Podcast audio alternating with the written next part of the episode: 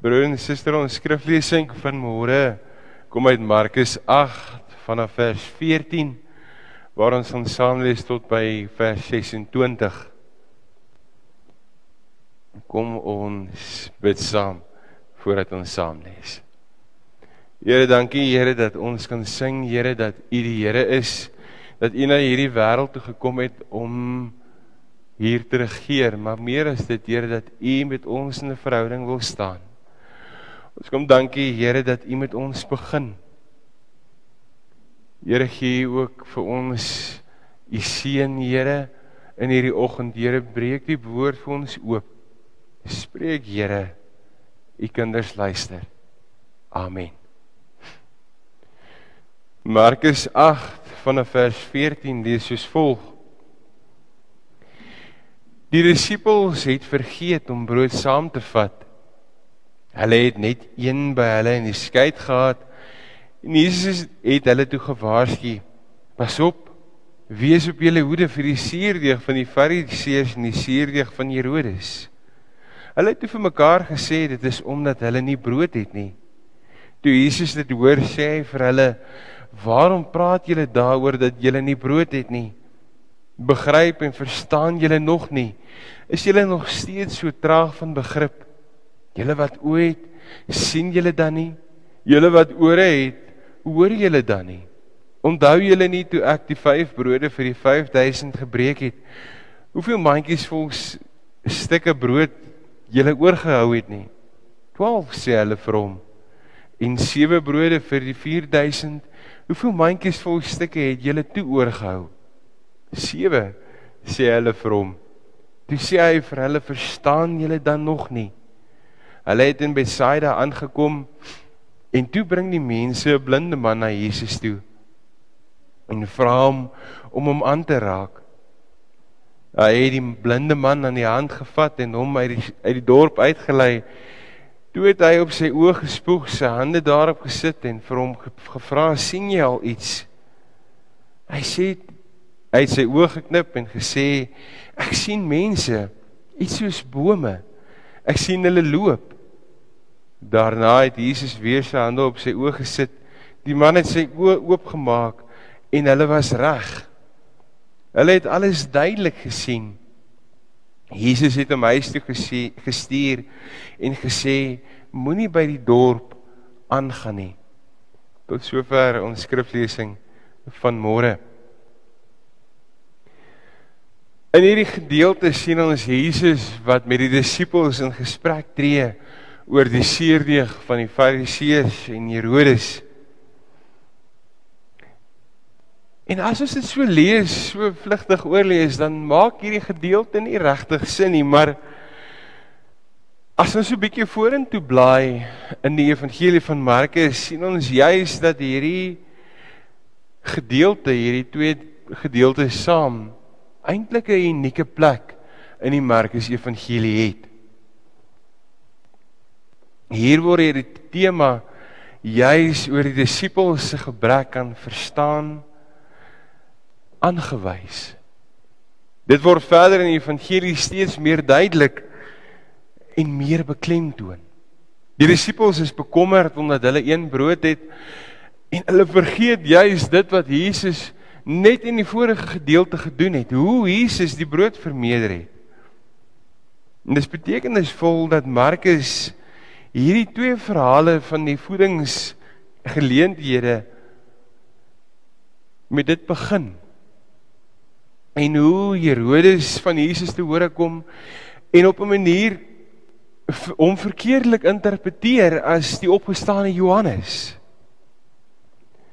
En dan sluit hierdie gedeelte bietjie verder af met die Fariseërs wat nie verstaan en nie wil verstaan en wil erken dat Jesus die gesagvolle Here is wat aarde toe gekom het nie. En die suurdeeg waar dan hiervan gepraat word is juis hierdie twee groepe Herodes en die Fariseërs se ongeloof hulle onvermoë om te sien wie Christus werklik is. En hierdie retoriese vraag, hierdie vraag wat gevra word, verstaan julle nog steeds nie? Wat Jesus vir die disippels vra is eintlik iets wat tot teen die been sny want hoe kan die disippels wat deur al hierdie goed gaan nog steeds nie begryp wie hierdie man is wat voor hulle staan nie? Daar's 'n groot stuk onbegrip, daar's 'n groot stuk verwarring, daar's 'n groot stuk vrees.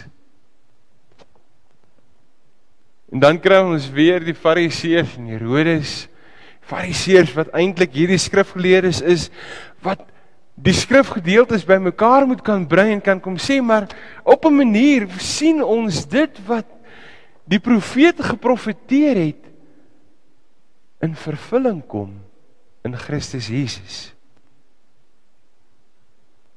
En tog as ons hierdie drie groepe bymekaar sit, Herodes, die Fariseërs en die disippels, verskil hulle blindheid eintlik nie baie nie. Hulle ongeloof op 'n manier verskil nie baie nie. As ons kyk na die tyd wat ons in is, is dit Epifanie. Die tweede Sondag na Epifanie. Christus wat homself kom bekendstel wat na hierdie wêreld toe kom. En die beklemtoning juis daarvan dat Christus in sy God en sy volheid na hierdie wêreld toe gekom het. En as ons dit vir mekaar sê, dan hoor ons weer hierdie vraag van Jesus waar hy kom sê, maar verstaan julle dan nie? In ons eie konteks sukkel ons nog steeds geweldig met die begrip van verstaan, met die begrip van kennis. Ons soek ons word studies gedoen oor wat se veld ook al. Daar word elke dag nuwe goed ontdek. En as ons kyk na geloof en ons kyk terug na die Heidelbergse Katekismes, dan sê die Heidelbergse Katekismes vir ons dat geloof bestaan uit kennis en uit vertroue. Hoe moet ons hierdie wêreld verstaan in geloof vir God verstaan sonder die kennis wat ons van hom opdoen? Weer die vraag, verstaan julle dan nog nie? As ons begin dan sê ons mekaar juis hoe verstaan ons God? Ons verstaan God eerstens deur sy liefde. Deur dit wat God vir ons kom doen. Deur dit wat God vir ons kom openbaar in Kerstyd, die Kersfees wat ons gevier het in die Christusfees, kom vier ons juis dat God vir ons in sy liefde en sy hoop en sy vreugde en sy vrede kom gee. Met die stuur van sy seun na hierdie wêreld toe kom gee vir ons alles wat ons nodig het om met hom in 'n verhouding te staan. Maar dit stop nie hier nie. Christus se liefde praktyk word in die voetspore wat hy op hierdie aarde los gesien in die manier hoe hy met mense werk en die manier hoe hy sy liefde uitleef en die manier hoe hy 'n blinde man gesond maak. Die geduld wat hy met sy disippels het wat nie altyd verstaan wat gebeur nie. En so kan ons verder gaan en ook sê vir mekaar sê dat jy's hierdie Christus gekruisig word. Dat hy doodgaan, dat hy opstaan, dat hy opvaar hemel toe en dat sy gees uitgestort word sodat ek en jy kan begryp hoe hoog en ver en diep God se liefde vir my en jou strek.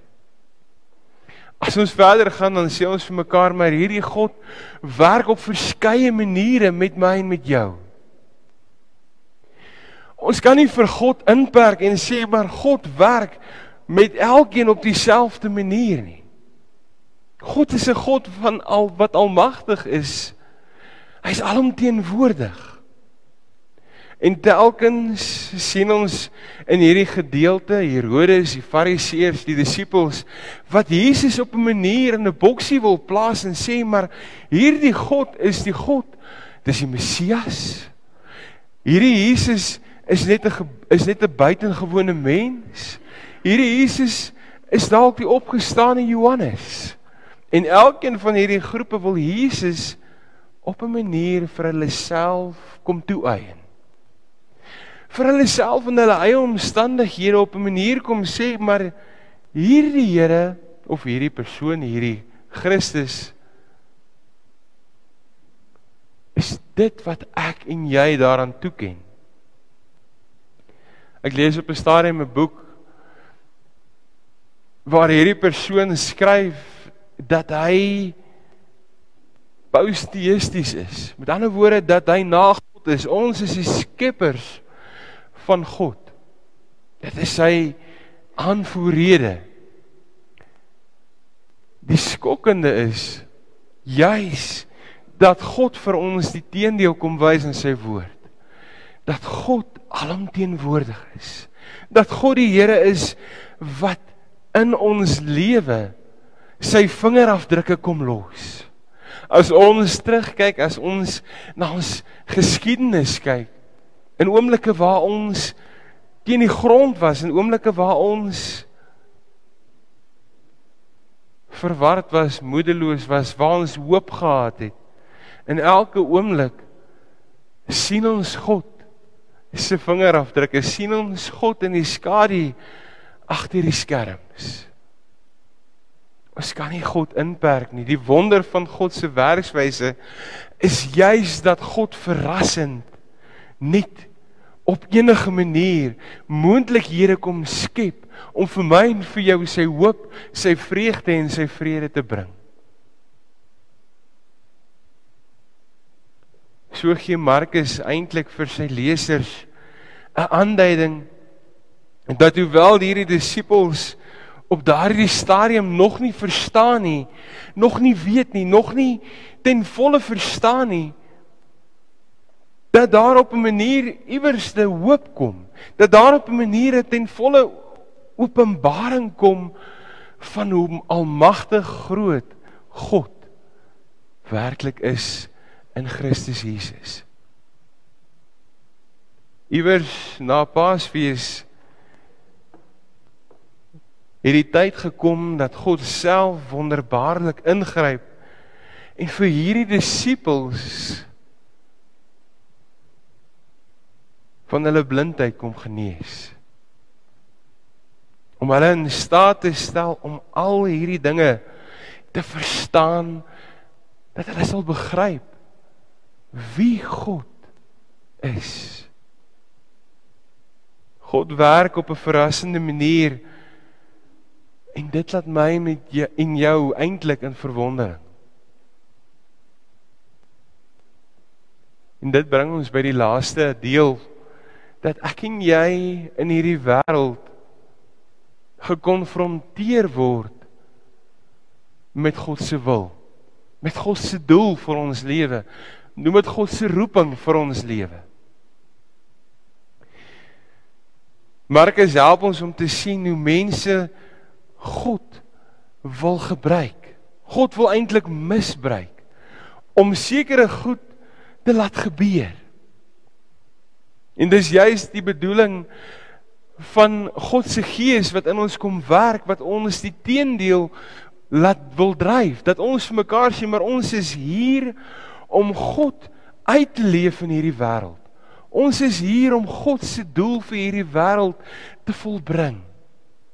Ons is gestuur om eerstens in hierdie vertroue wat ons in God het, in die geloof wat ons in God het, God ten volle uit te leef. Omdat ons verstaan en hoor wie God is, omdat ons ontdek in sy Bybel en sy woord wie hierdie Here is, sal ek en jy begin en sal ons leef, sal dit oorspoel, sal dit oorvloei na die mense buite. Maar dit vra 'n persoonlike verhouding met God. Dit vra dat ek en jy tyd met God spandeer. Dat ek en jy op 'n manier vir mekaar sê dat ons 'n ontmoeting met God het in ons binnekamer. Dat ons sal erns maak met 'n verha lewende verhouding met God. 'n Lewende verhouding is nie 'n 5 minute ek lees gou-gou Bybel en ek gaan huis en ek gaan uit en ek gaan aan met die res van my dag nie. 'n Lewende verhouding is 'n verhouding waar God eerste kom, waar God die Here is van ons lewe.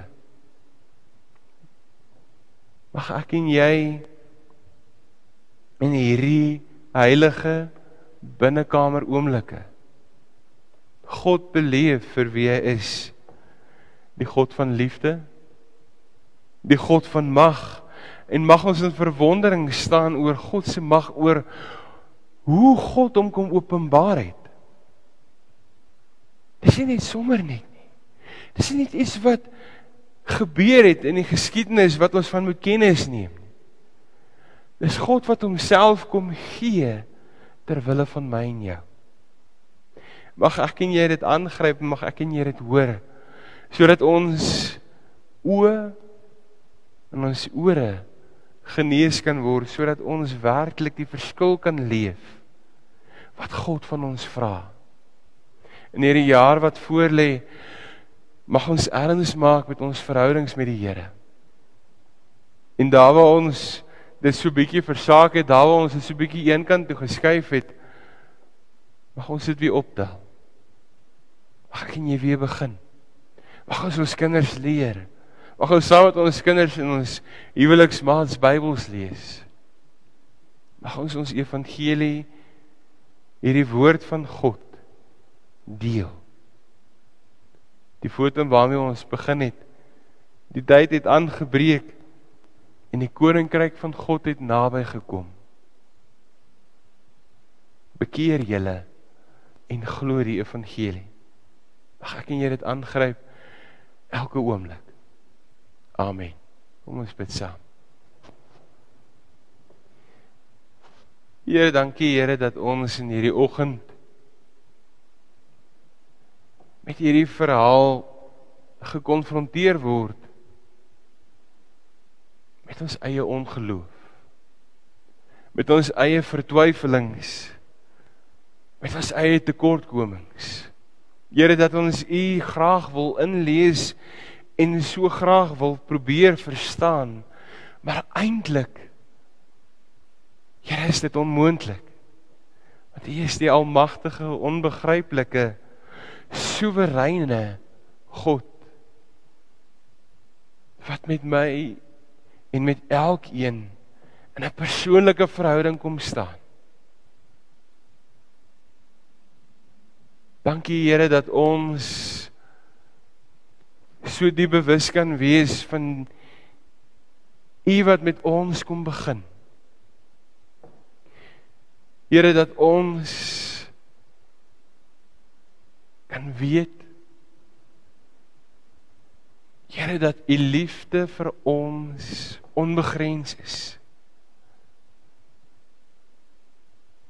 Here gee Here vir ons die krag en die genade om ook u doel vir ons lewe. U roeping vir ons lewe uit te leef. Ons kom bid en ons kom vra dit Here in u naam. Amen. Broer en suster, ek gaan vir hom Douglas. Broer en suster, ons skriflesing van môre kom uit Markus 8 vanaf vers 14 waar ons gaan saam lees tot by vers 26.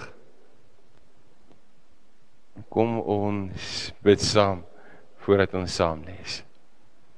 Here, dankie Here dat ons kan sing, Here dat U die Here is, dat U na hierdie wêreld toe gekom het om hier te regeer, maar meer as dit Here dat U met ons in 'n verhouding wil staan.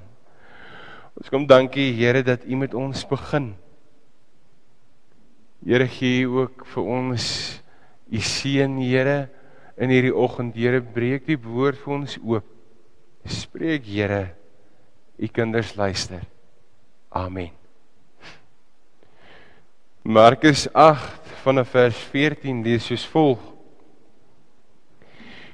Die disippels het vergeet om brood saam te vat. Hulle het net een by hulle in die skei gehad. En Jesus het hulle toe gewaarsku: Pas op, wees op julle hoede vir die suurdeeg van die Fariseërs en die suurdeeg van Herodes. Hulle het vir mekaar gesê dit is omdat hulle nie brood het nie. Toe Jesus dit hoor, sê hy vir hulle: "Waarom praat julle daaroor dat julle nie brood het nie? Begryp en verstaan julle nog nie? Is julle nog steeds so traag van begrip? Julle wat oë het, sien julle dan nie?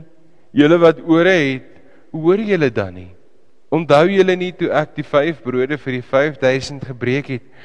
Hoeveel mandjies vol stukke brood julle oorgehou het nie. 12 sê hulle vir hom. En 7 brode vir die 4000. Hoeveel mandjies vol stukke het julle toe oorgehou? 7 sê hulle vir hom. Toe sê hy vir hulle: "Verstaan julle dan nog nie?"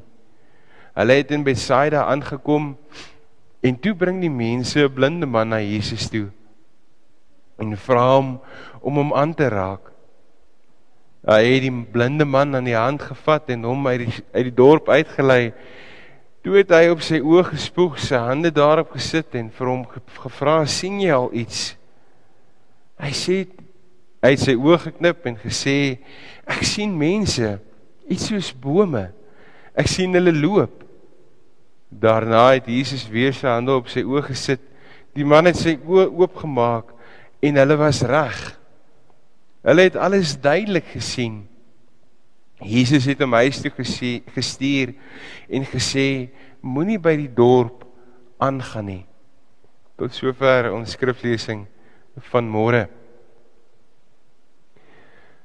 In hierdie gedeelte sien ons Jesus wat met die disippels in gesprek tree oor die seerdeeg van die Fariseërs en Herodes.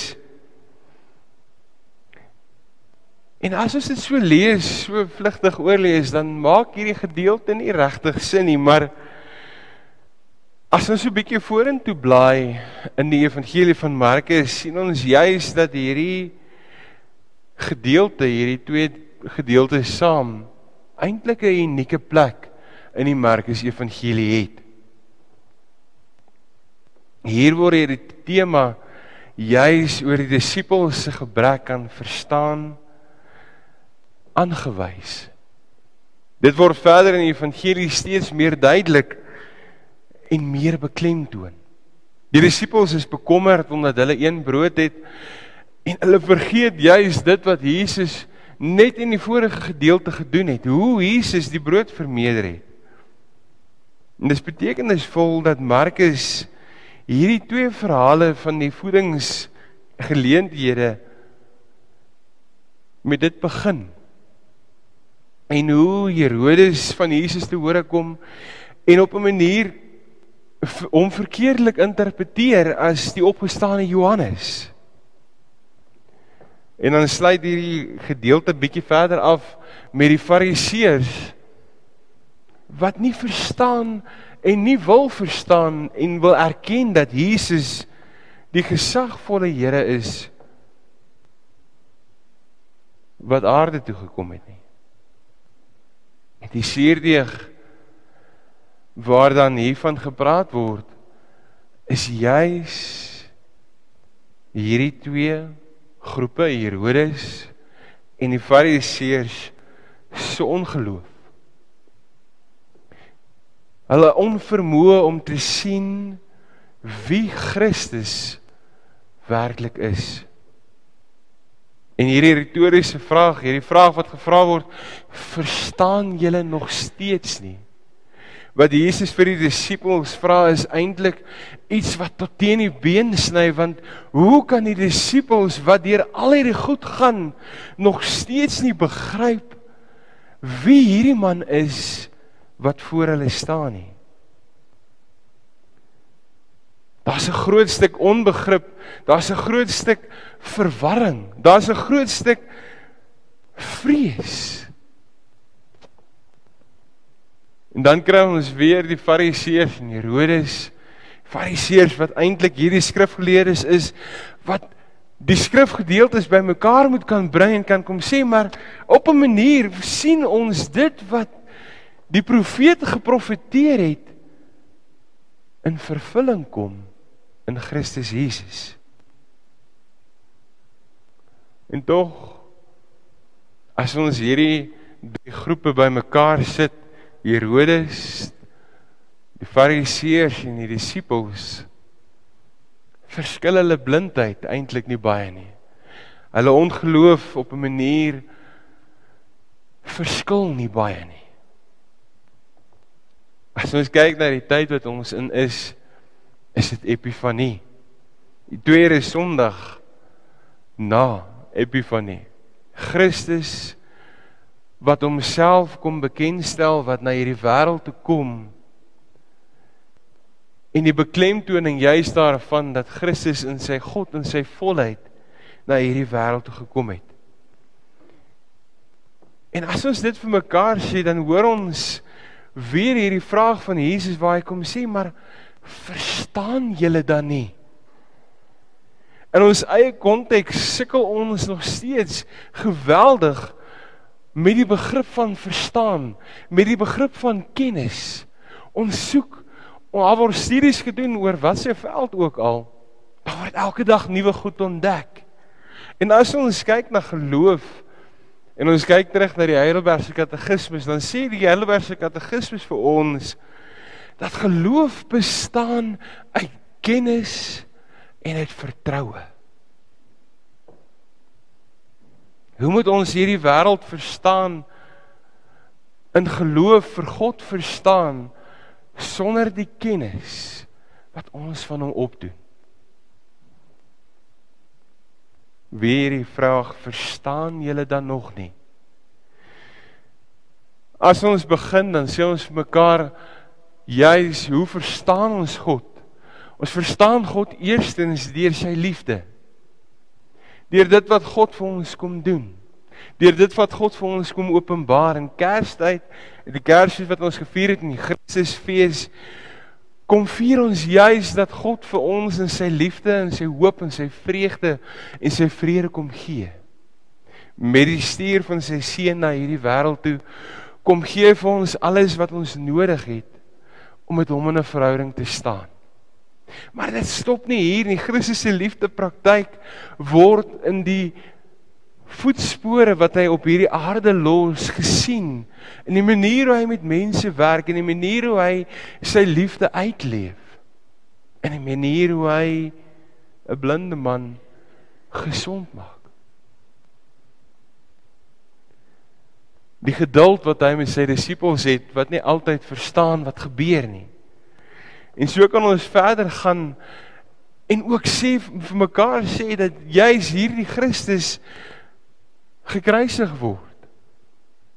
Dat hy doodgaan, dat hy opstaan, dat hy opvaar hemel toe en dat sy gees uitgestort word sodat ek en jy kan begryp hoe hoog en ver en diep God se liefde vir my en jou strek. As ons verder gaan dan sê ons vir mekaar maar hierdie God werk op verskeie maniere met my en met jou. Ons kan nie vir God inperk en sê maar God werk met elkeen op dieselfde manier nie. God is 'n God van al wat almagtig is. Hy's alomteenwoordig. En telkens sien ons in hierdie gedeelte Herodes, die Fariseërs, die disippels wat Jesus op 'n manier in 'n boksie wil plaas en sê maar hierdie God is die God, dis die Messias. Hierdie Jesus is net 'n is net 'n buitengewone mens. Hierdie Jesus is dalk die opgestane Johannes. En elkeen van hierdie groepe wil Jesus op 'n manier vir hulle self kom toeëien. Vir hulle self en hulle eie omstandighede op 'n manier kom sê maar hierdie Here of hierdie persoon hierdie Christus is dit wat ek en jy daaraan toeken. Ek lees op 'n stadium 'n boek waar hierdie persoon skryf dat hy posteïsties is. Met ander woorde dat hy na God is. Ons is die skeppers van God.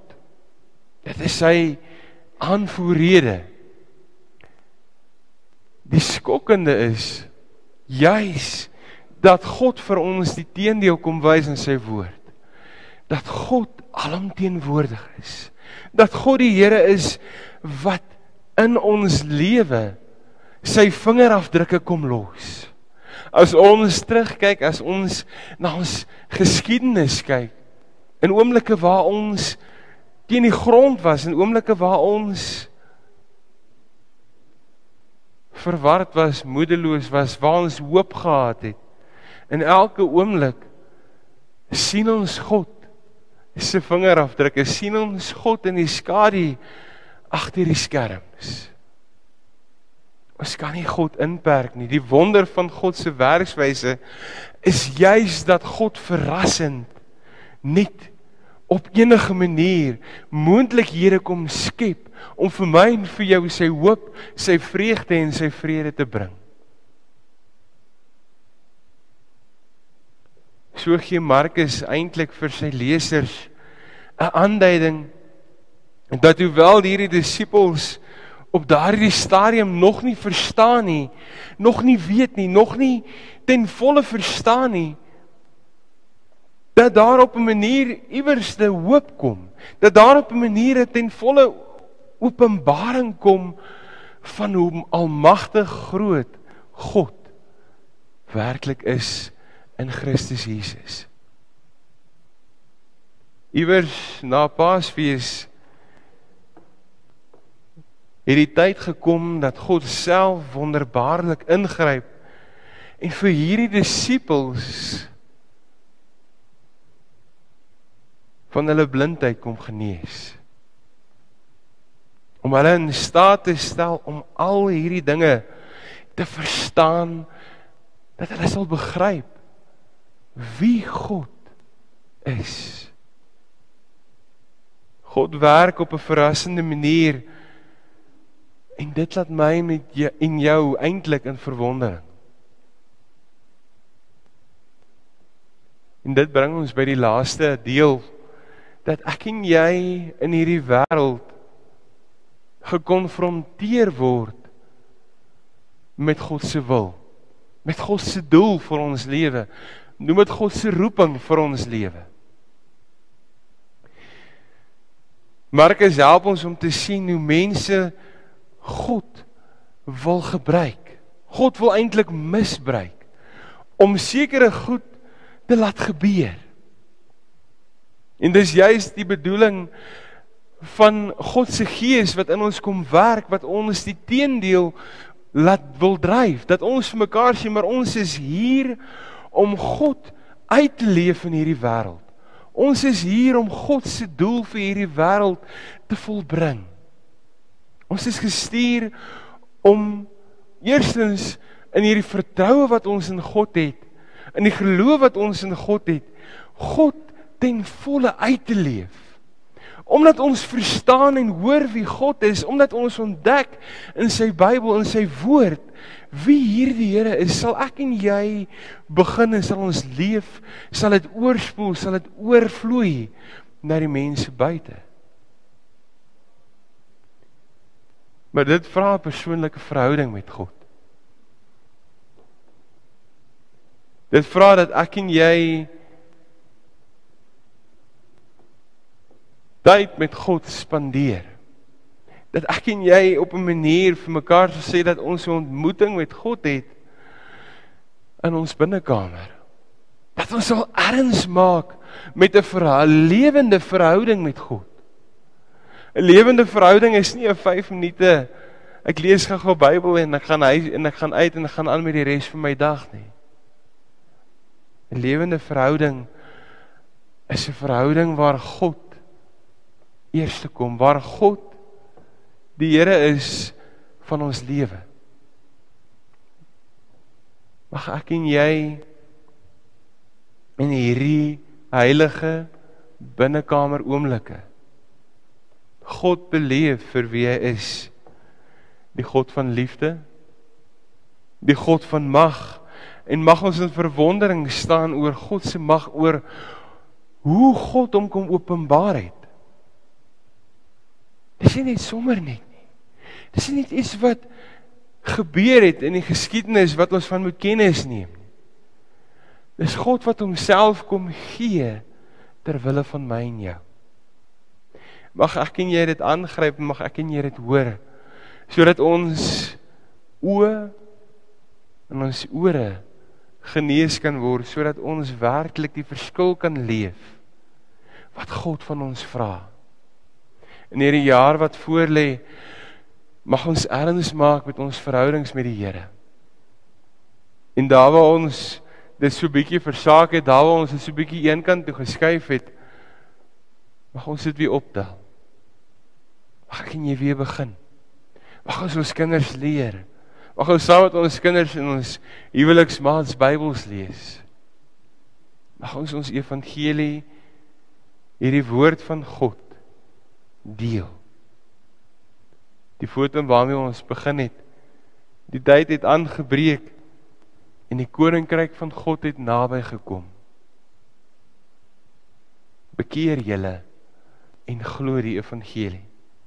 Mag ek en jy dit aangryp elke oomblik. Amen. Kom ons bid saam.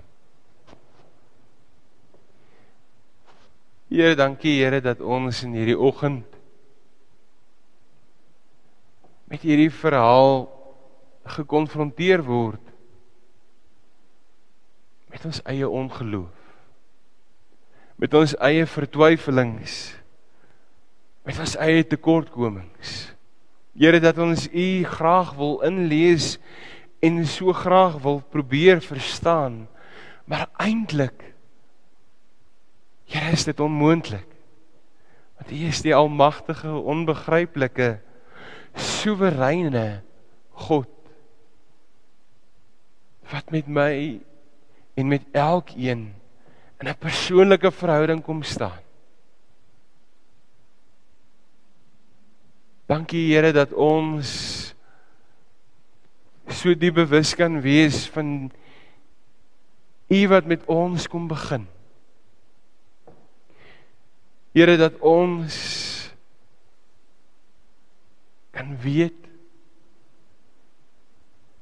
Here dat U liefde vir ons onbegrens is. Here gee Here vir ons die krag en die genade om ook u doel vir ons lewe u roeping vir ons lewe uit te leef. Ons kom bid en ons kom vra dit Here in u naam. Amen. Broer en suster, ek gaan voel om dalk dis